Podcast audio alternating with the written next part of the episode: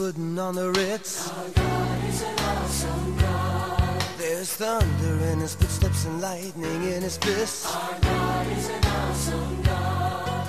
And the Lord wasn't joking when he kicked him out of Eden It wasn't for no reason that he shed his blood. His return is very close and so you better be believing That our God is an awesome God. Our God God kvöld og velkommen til sendingsna Ein forvitenslig fer og jøgnu bøybuna. Vi er nu kommet fram til fyrre kongabok, og i studion sitter jeg Søymen Absalonsen, og sammen med meg her vi Øysten Jekvann Zakariasen. Jekvann, velkommen. Takk for det.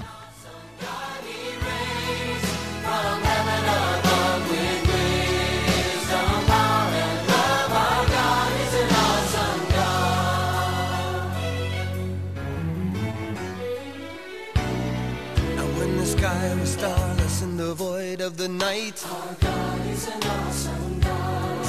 spoke into the darkness and created the light. Our God is an awesome God and Judgment and wrath he poured out on Sodom. And mercy and grace he gave us at the cross. I hope that we have not too quickly forgotten That our God is an awesome God. Our God is an awesome God. Kongabøkunar, ter er tverre tali og ter lysa og i søvu Israels som vi vujja kongatujin. Vi kunne byta tøyen upp i trutja parstar. Fra fyrsta kongenon Saul og inntil rujtju fyrir tviningar. Sujane har vi søvna tja taimun tvaimun rujtjunon. Israels rujtju som Jekle grundar om ar 621 Kristus og Juda rujtju og Jekle grundar om ar 546 fyrir Kristus. Det er gagnlitt at granska hesa bøknar saman vi krønikebøknon som partvis lysa saman tujarskai. Herumframt er nekra profetiskar bøkur i Bibelni og i æsni lysa saman tujarskoi. God sparte ikkje sitt egna folk, ta det valdu at liv i synd og eulutni, og hette er æsni en amenning til hætninga falskina. Og i fyrre kongabøk sutja vi fyrst ta sjøynase deana tja David kongin, og etter deia hansara tåk soneren Salomon rujtj. Vald Salomons minner okkom profetist av deanar, ta i Davids soneren Jesus skal roa og i sunnum tusen ara fria rujtj. Vald Salomons byrjar vi at han avsier nekra dømar. Rujtju Messias er for æsni er byrjar vi døm. A døven Salomons boi hver uisresmæver i fri under synen fikkelsreie og vindreie. Hetta var en giltui. Det var ungen futsjende som høtt. Løpsverk Salomons blei byggjanen av halgjedamnen, templenon, og han bygde såleis som feir hans herra David hei alagt hon. Størleisen i templenon kunne ikkje malast, og ta så dård gods fyllte tempelet, ta stod alt falskje og prysa i god. Salomon var øysen en av vanliga viser konger. Han skriva i åratøyene, prætikaren og hasøngen. Korsen er det hosnægt a sutja at han mever i byrja i så vel, enda i så illa. Han var vidløyder og fyrir å tilbya avgodar. Tann i heldes standa sutja til at han fettler ikkje, sier skriften. Etter Salomon tåg sonen hans herra Rehabiam rujtje etter han, men det var best tver atter og hilde seg til hos Davids. Jeroboam ble konger iver hinn og pastonen av rydgjennom. til er kallast Israels rydg. Her byrjar så statt søvan tja taimabavun rydgjennom, juda rydg og Israels rydg, og søttene førte dette til at bægi rydgjene gjengel grundar. Etter at rydg var færre ui tvinningar, var futtjenskaper mittel rydgjene ui en trusjoar. Søgjane førte såarskaper til at rujtjene arbeidde saman. Sonur Josafat og Juda giftist vi døtter til hinn godleisa Akab.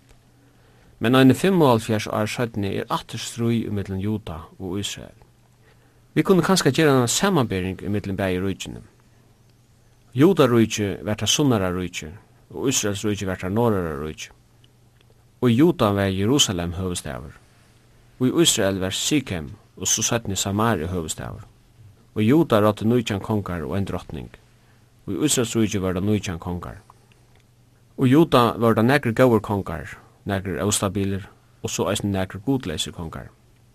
Men i Israelsrujtje var det best godleise kongar. Og Juda finna vi trutja vegingar. Det var under Josafat, under Ezekias, og sattni under Josias. Og i Israel var ungen andalig veging. Ta Judarujt gekk jekla grundar var fæltje først i utlegg til Babel. Ta Israel jekla til grundar var fæltje først i utlegg til Assyria. Søvan om Judarujt er lust og i konga og krønikabøknum. Søvan om Israelsrujt er bæra lust við i kongabøknum. Elias er den største profeten vi sutja i fyrre kongabøk, og han er den profeter som oftast er nevnt i Nødja Testament. Han stod fram av døven hins godleisa Akabs kongs og Israel, og Elias mersker God er Herren etla Elihu er jave. Og løyv hans herra, ta sværa etter navn. Han stod fyrir Asjan gods. Stundun var han fjaldi fyrir falkjennom, som til dømes ta han var vid løtjen krit, og stundun stod han fram fyrir falk, som til dømes av Karmel. Andi og kraft Eliasar er tiltidgjen i skriftene. Hetta var så en stort jøknegongt eller lysing av fyrir kongabog. Og jeg var, jeg var ikke om du hevna jeg legja træt, Jeg halte at det er ikke nek kanskje leggja til at det er sånn ungengen her. Da jeg hitje etter uh, fyrir kongabok, så pleier jeg bøyden opp i tvær parstar. Og fyrir parsten er simpelthen kallig bara Salomon. At uh, av min fyrste etlo kapitlen så tja vit faktisk hos Salomon etter at David, som er sjående, introduserer vi utan fyrste kapitlen døyr, og Salomon teker vi reie. Og så sutja vi at uh, tempelet blir bygd og halka i 15-18 kapittel, og så fra 19-11 kapittel ver så rydgjødømme og eisne navnfrakt og fattel Sal Salomons lust fyrir okkom. Men så tar vi kommet til annan parsten av bøkene som faktisk byrjar i 12. kapitlet, og året som vi der ui nu er omlai 1931 fyrir krist, ta i uh, rujtjudømme det veldige rujtje som David og Salmer og Iver for tviningar. Og som du sier, det ble det norra rujtje, Israel, og det sunnara rujtje, Juta. Og vi sutja særlig sunderbundingene her bænt, eh, struje mellom Jeroboam og Rehoboam, eh, at det var sunderbunt her. Fra 16 til 19 kapittel sutja er særlig særlig dent for å lagt han av tjenest og eh, Elias her, profets at han talar Guds år av døven eh, Ahabs kongs, ta i så omøtelig antallet tørver er i landen. Og så gjerne fra 20 til 22 kapitlet er faktisk eh, sørste dier Ahabs lustig fyra okkom, og vi så færre inn i første kongabok. Men jeg heldig det er um, området at bare minnes til at Sjalt om vi er det nu løttene vi første og er i Samuels bok, så heldur den sama søvan fram, bare under en nutjen title og en nutjare bok. Og det som vi får særlig lære i hesen boken er det strøye som var til alle årene ta i, ta i rujtjevær sunderbukt. Og to, to gav seg en gåen inngang og Johan, og, og to samanbær eh, Israel og Judah Jeg har ting kanskje lett at sæt tog. Og til det er at uh, ut i norra rysene var tutsi atter Israels, og best tver um, ut i sunnara rysene, og særlig var det juda eh, atten, som var ut i sunnara rysene. Livet høyen til det norra rysene Israel varte, altså herfra, fra år 1931 til det var sunderbøyt, 290 år. Og det sunnara rysene omlai 345 år så det så det sunna rutje för att ha en längre livet tog än ta norra rutje. Så er snä avvärst at ut norra rutjen var nutju imes konka hus. Nutju imes konka familjer. Medan ut i sunna rutjen var var best ein og det var så hus eh, Juta som sjående David var av. Og Are som uh, Israel var tidsju utleggt til Assyria var så 621 eller omkring 622 og Ari i Juta var, var første de utlegg, ta, ta var det Babylon, en annen heimsmak som var kommet i valde, var 546. Seineste konkur Israels var Hoseas, og seineste konkur Juta var Sedekias. Så det er stutten det som jeg også må bra, som har ingen sagt om disse bøkene. Musikk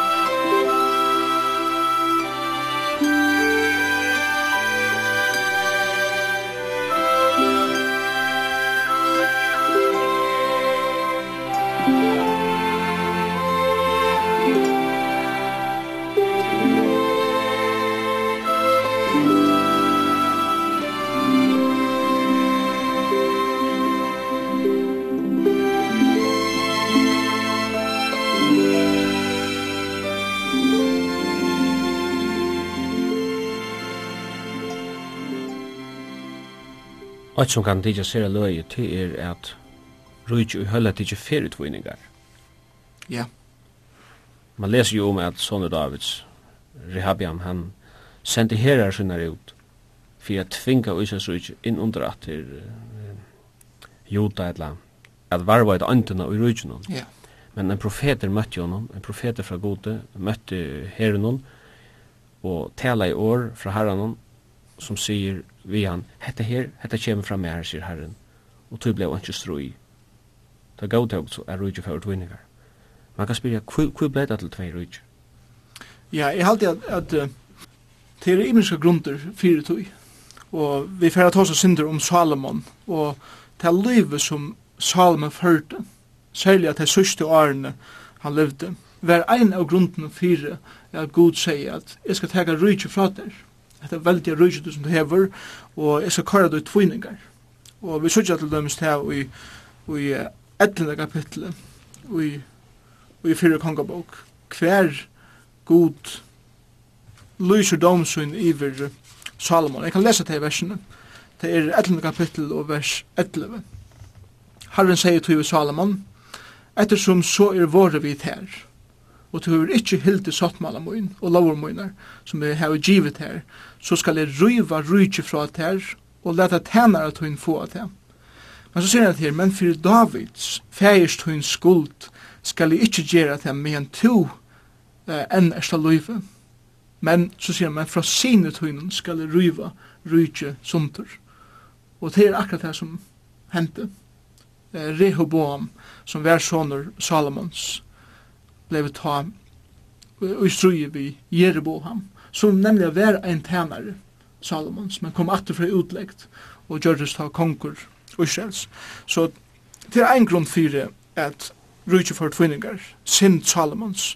Men det er eisen æra grunder, og ein annan grund var øvund og hætur, og i middelen ter norrar og sunnar og attenar, sjålt om det var eit rujtje, så, så gjør det Salomon mannamon, kan man si, eller attarmon, eller kan man så kalla det, middelen attenar.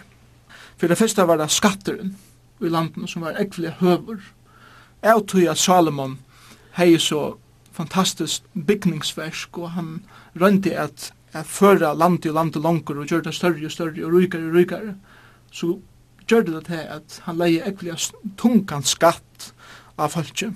Men det som han gjør det var til at han gav öllum atlan skatt utan juta.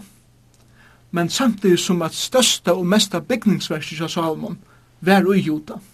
Så, så det skapt henne øvund og hæter fra hinnen 18, særlig eh, her norr.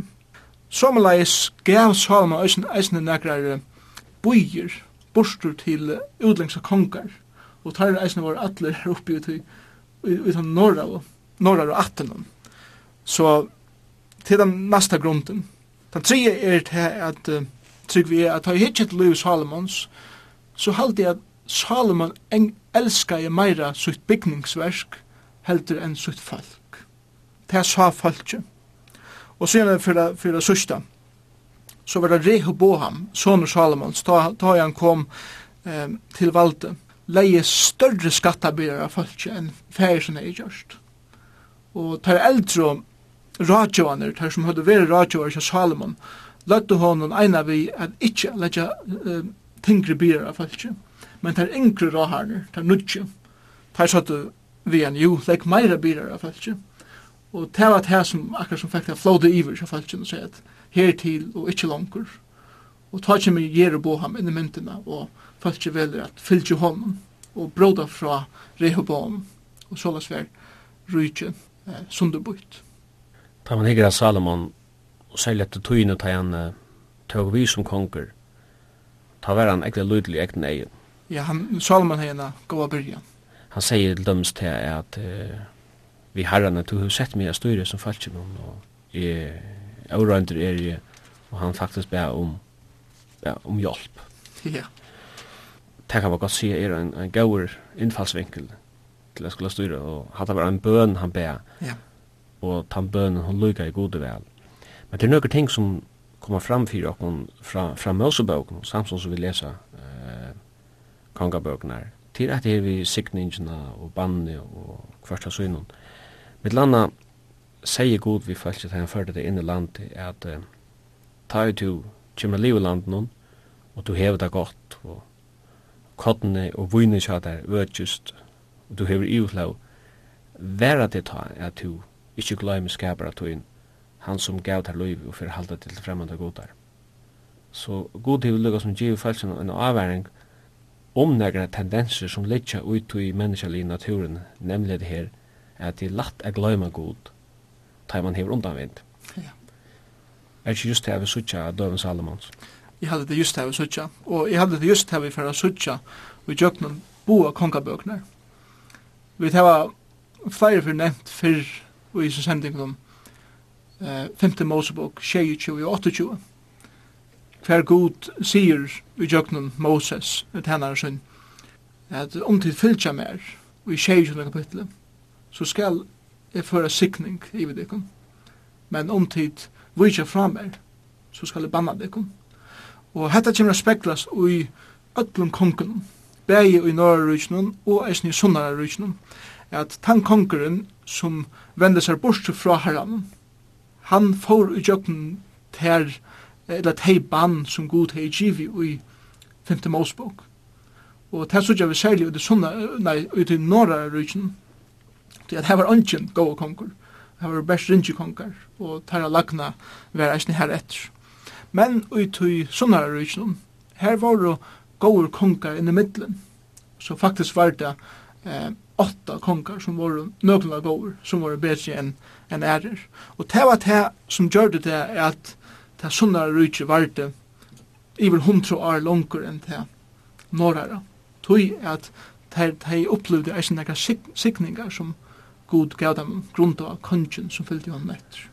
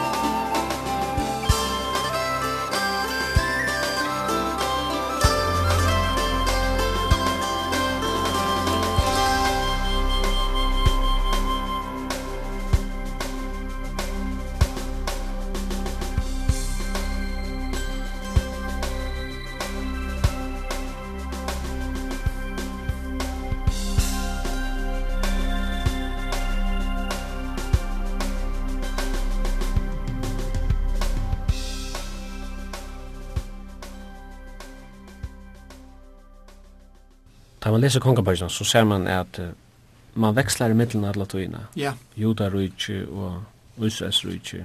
Men ja. Det kan virka sin forvirrande vi kvart. Er det nega minster vi så tjater? Ja, det er det. Jeg minnes det, da jeg byrja i at lesa begge kongabøkene og kronikbøkene, for meg var det ekvelig forvirrande jeg lesa. Jeg visste jo omgang de ordentlig hver jeg var. Og Jeg husker meg at, at give uh, lortarnen og det som ikke at lese seg bøkene et lite minster som vi sutja. Og jeg har bare kallet det et zigzag minster. Og hvis, hvis du sørst her fyrir der, så er det zigzag som, som fyrir atter fram. Eh, så er det her minster som vi sutja lykka fra 12. kapitlet i, i fyrir kongabok, atla vegin til uh, endan og i ære kongabok. Og jeg skal, jeg skal djeva uh, dette minster her beint. Vi byrja i Juta. Vi Rehoboam i 4. kongebok 12. kapitlet, vers 1-25.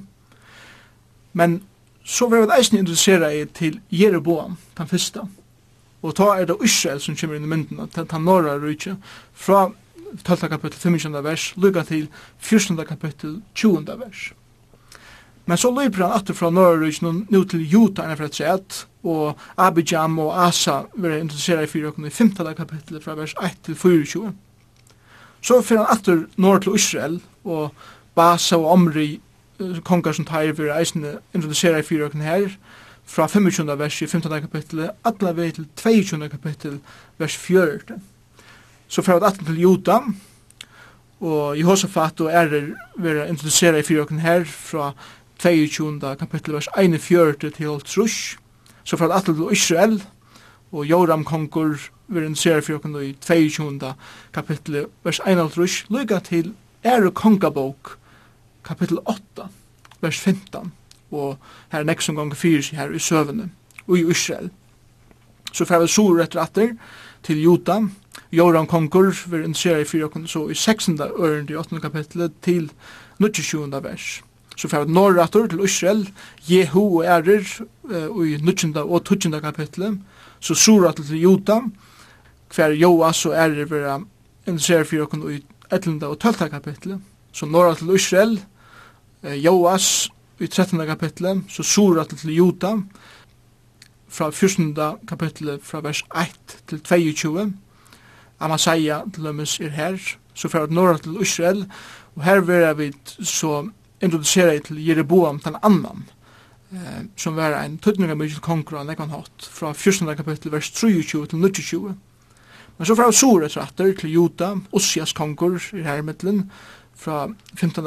kapitel vers 1 til 6 så er det Nora til Israel Sakarias, Shalom, Manahem, Pekaia, Peka og Jotam konganer vera omtaler her i 15. kapitel vers 8 til 31 Så gjerne fyrir sura til Juda, og her tås vi om Akas kong i 15. kapitlet eh, fra vers 32 til 16. kapitlet vers 20.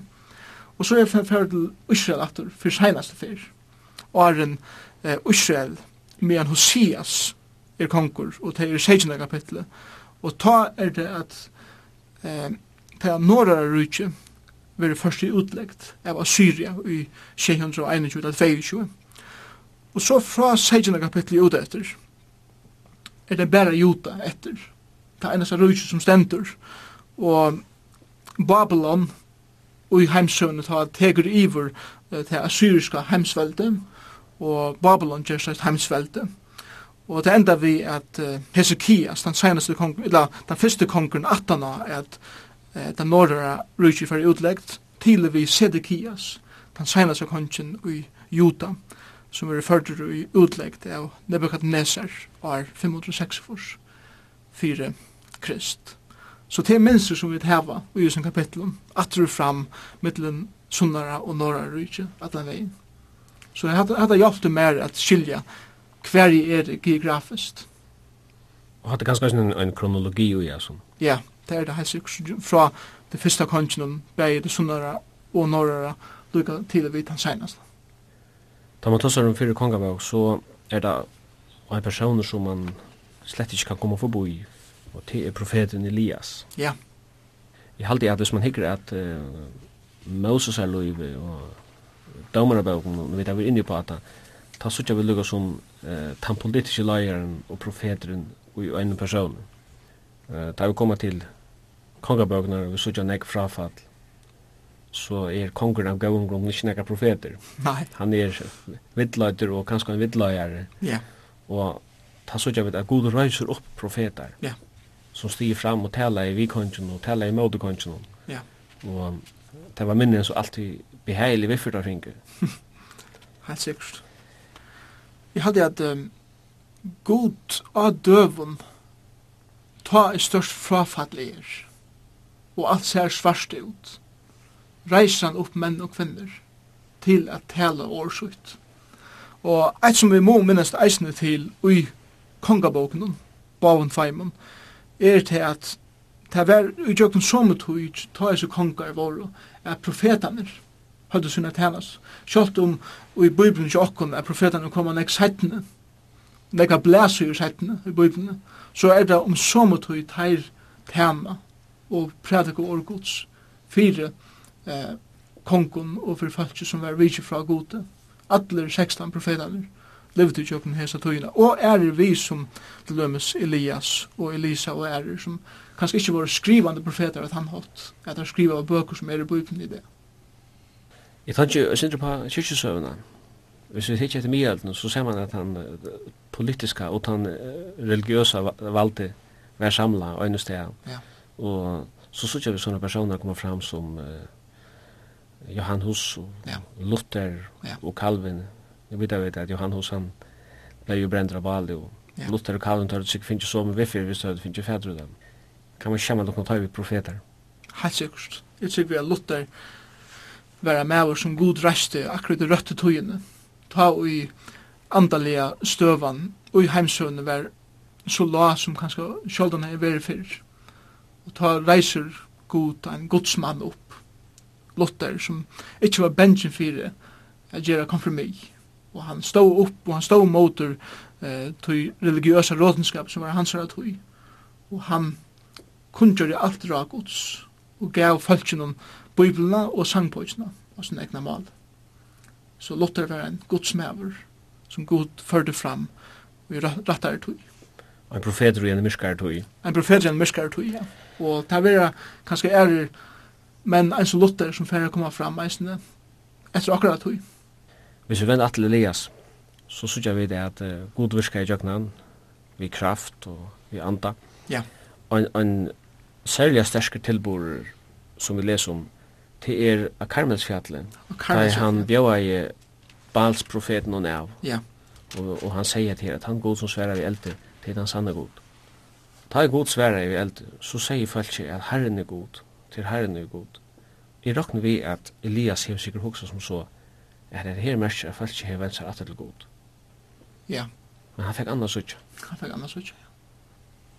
Det som jeg halde er avhavverst, vi er sin tilbornen av Karmelsfjallet, er til at uh, det var heldig at heimsteg tja Baal, var Karmel. Så han bjóa i Baal-profeten av, kan man godt sija, av heimavøtlet Baal var eisne i egen hedningana, godrun iver eldi og vatne. Og det som uh, vi suttja i 18. kapitli og i fyra kongabok er til at ta i Elias sier at det er alt som eldren skal øya, det er god. Så Baal-profeteren huksa øya, men sjåan det, så er det vi som vinner til at Baal er eld godrun men anki hendur at her har bygd sutt alt der. Og, og Elias sier vitt der, så kanskje svever han. Hvis jeg råper herrer, så kanskje han vakna. Og det var nemlig ein pastor av heitnar trygg, at tei bæje slo seg og, og skåre seg og røpte og alt det her, fire er vekja godane. Til at visse der svå så måtte jeg gjøre imes for at, at uh, vekja der. Men her hendte jo ikke. Og det som Elias så gjør er til at han sier, la meg støyta vatten, eisende, av mot altar, og rundt om det, og vidar hva hender. Og han byr så til Jehova. Og ikkje bare som elden er himmelen, men eisende alt vatten og alt for opptorska, som viste til at god, Jehova, er godren iver, til godren som tidhalde og valde og elde, og vattnet. Og såleis kan man godt sige at Elias vann eh, hendan bardagen som var i middelen Baal og god hendan dagen. Men som du sier, det brøtti ikkje gyptene og hjertene av falskinnum. Tog at falski seg ikkje til god allega. Ja, vi sykja at, at kongren som vi har ta, Akab, ja. han ser ut til å ha vært, han ser ut til å være ekle med gjørlir. ja, ta og, ta og Elias tosa vi han, han er etla hava vi a gjerra og, og nästan tekur under vi tog som Elias sier. Men det ser ut som at han som velja styrir rujtjen til konansa. Ja, det er Jezabel. Hon har en otroliga makt iver honom. Og du sier at det så ut som at han tar han vær vi Elias eh, samtidig fullkomna vi profeten. Og jeg halte at han var en leier som det. Eller kanskje den skreive året leier her. Han var en person som det som bara lia seg etter munnen og ikke øren. Og ta i Elias prædika så gjør det som om at jeg kongren ville gjerne fylgje etter. Men så var det konan som kunne bøyla det og sier at han skal ikke gjøre, og han tar jotta en eisen her beina veien, som gjør det at han stod som en leiare, som var oavgjørter, og kunne ikke takke avgjørter sjolver, og ta hei sånn fylgjer. Henda det henne Karmel. Ja. Ta rekna i dag øysten for første fyr. Og et var et eldrefall, og god sværa vi eldre. Men han sværa jo som så øysten vi vattnet. Det hei ikke rekna i tru og et år. Nemlig. Og ta dagen rekna i dag, og det er jo lusneget vattnet. Akkurat. Fyrir at uh, man kan liva, så uh, folk finner preg at herren var god. Ja. Men det brøtt jo ikke Jezebel og som var en kongadøtter under fremmande land i her balstyrskan var i halden. Og hon sender Elias på og sier at godane leder meg gengast illa bægi nu og her etter, om jeg um, og det gjør vi til som det gjørst vi balsprofetene her. Og ta kom en øylig tunglendi, eller depresjon iver, iver Elias, og vi les om at han flytte, og han fjord til Beersheba. Nu vet jeg at Karmel ligger halter norr i Israel, det ligger eh, her som bor en haifa er det. Ja. Så vi er stadig rettelig norrlige, altså ut i norra region, Ulsas region. Men Elias flutjar undan Jezabel til Beersheba og Beersheba er den sunnaste bøyren og til sunnare region. Ja. Og ikke nok ved det, han fyrir en dagsfløyt i øyemarsina, sets under en gøyvlerun, og ikke skjer det igjen. Så han kommer og en har lagt etter å være på hattene. Halt avgjørst. Ja. Og til så avgjørst, det stender eisen i nysna kapitlet at han renner alla vegin. Helt av norr fra alla vegin sur. Jeg minnes ikke akkurat noen nekker kilometer det er, men det er nekver. Det er nekver kilometer. Det er som en maraton renner. Og han rann alla vegin. Og i regnen. Og vi kan også kan eisne at det ikke hever regna i 3,5 år. Så det er veri ølige torskur. Og det som hender, det er veri torskur, så fyrir at regna er grimt som det, som det gjør det. Så det er veri bei skril og alt møvlet. Hetta hetta verður ein lengur tur í sjónar um. Men men tað sum er tað sum er viktigt her er nemliga at at kussu skøtt er að inn og lagt etter at vera på hatten. Han er akkurat se kraft Guds demonstrera ja som ongan er fyrr. Og nu vil han høttere av en under drottning. Og han vantar at han, nu er livet livet kjønn. Jeg halde jo at vi har hittet omstøvn så kunne tingene i Øystein blod og myrskere enn det i verleggen er. Ja. Han, sier vi god at jeg vil ugen fra bandsbøyen av i fjerne, men alt er tunnig nyriven, og profetene drittene er ønsom alle retter. Ja. God kunne fortelle henne at det var gosses er tjei tusen som ikke hadde bakt knæ for bal. Akkurat. Det var han ikke vidande om. Jeg husker Øystein Paulus, han færre vita det fra herren om at du skal du skal tala, gods år, og ikke tida, du gods i og igjen. Jeg er nekfalt, og jeg er som. Ja. Det var han kanskje heller ikke vidande om. Et han ørende som jeg husker om i hese saman er at det var sagt vi til Matteus at God gav okken ikke andan møtløysus, han gav okken kraftar og kærløyga og syprys andan. Ja. Hatta ser ut til å være ting som eh, hei vi en god anmenning fyrir Elias. Ja, helt sikkert. Så jeg hadde at det er en god anmenning for okken eisene. Det er at det samme hender ikke okken. At ofta tar vi har seg og, og vi er oppi hatten. Se god gjørst okkurs, fantastiskt og særlig at i folk vera frelst, så har vi øyla lagt vi ofte at fattelig fot, men ta er minnast, ja, vi er ikke ensamøll, det er jo andre mennesker som Herren har reist at tjene ser, og er god i kontroll, det er godt å minnast av slukken døven eisen.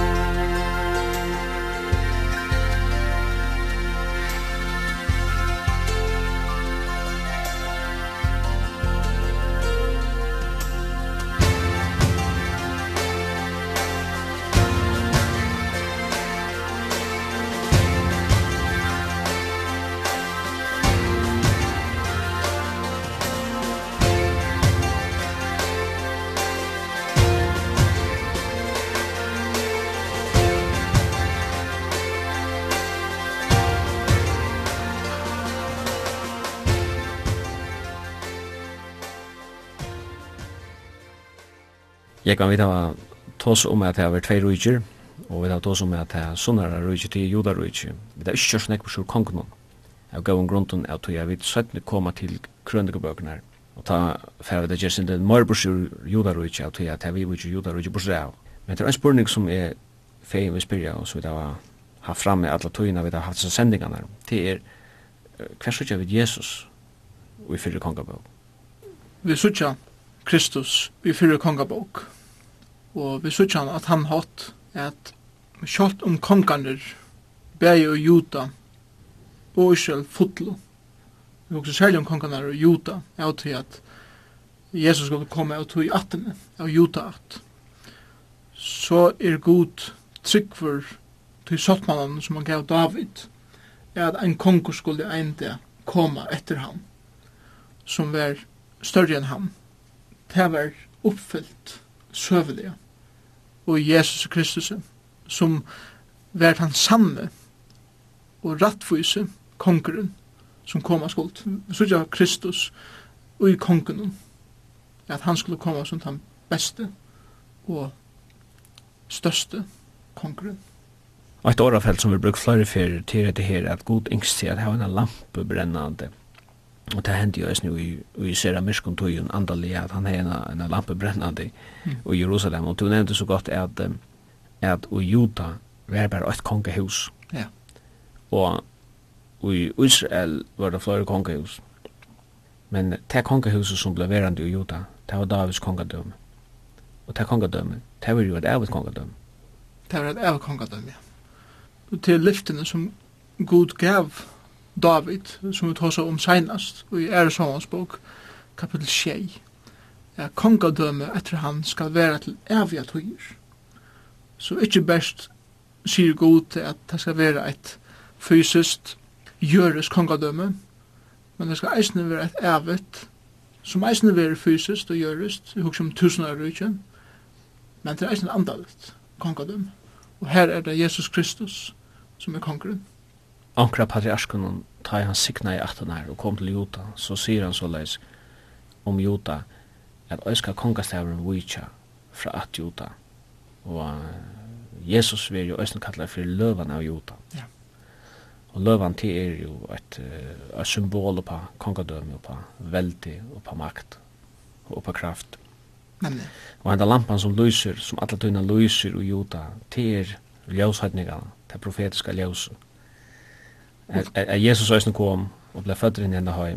Men, og til, til lyser av våner for framme. Og vi kunne kanskje si til enda er at han vaks opp i Israels rujtje og i Nazaret, men han ble født i Judarujtje og i Bethlehem og i Judaland. Og så døg han øyne i Juda og Jerusalem.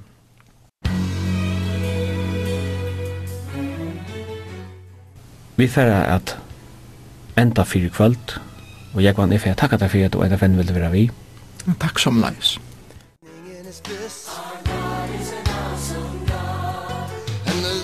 wasn't joking when he kicked him out of Eden. It wasn't for no reason that he shed his blood. His return is very close and so you better be believing That our God is an awesome God. Our God.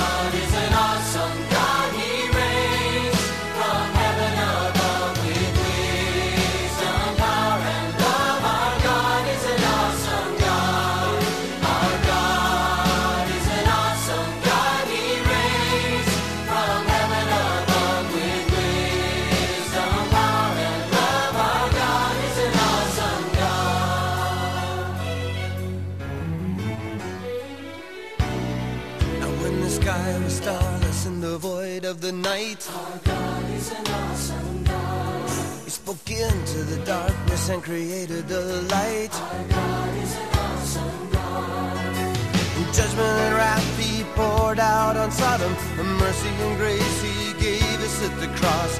I hope that we have not too quickly forgotten That our God is an awesome God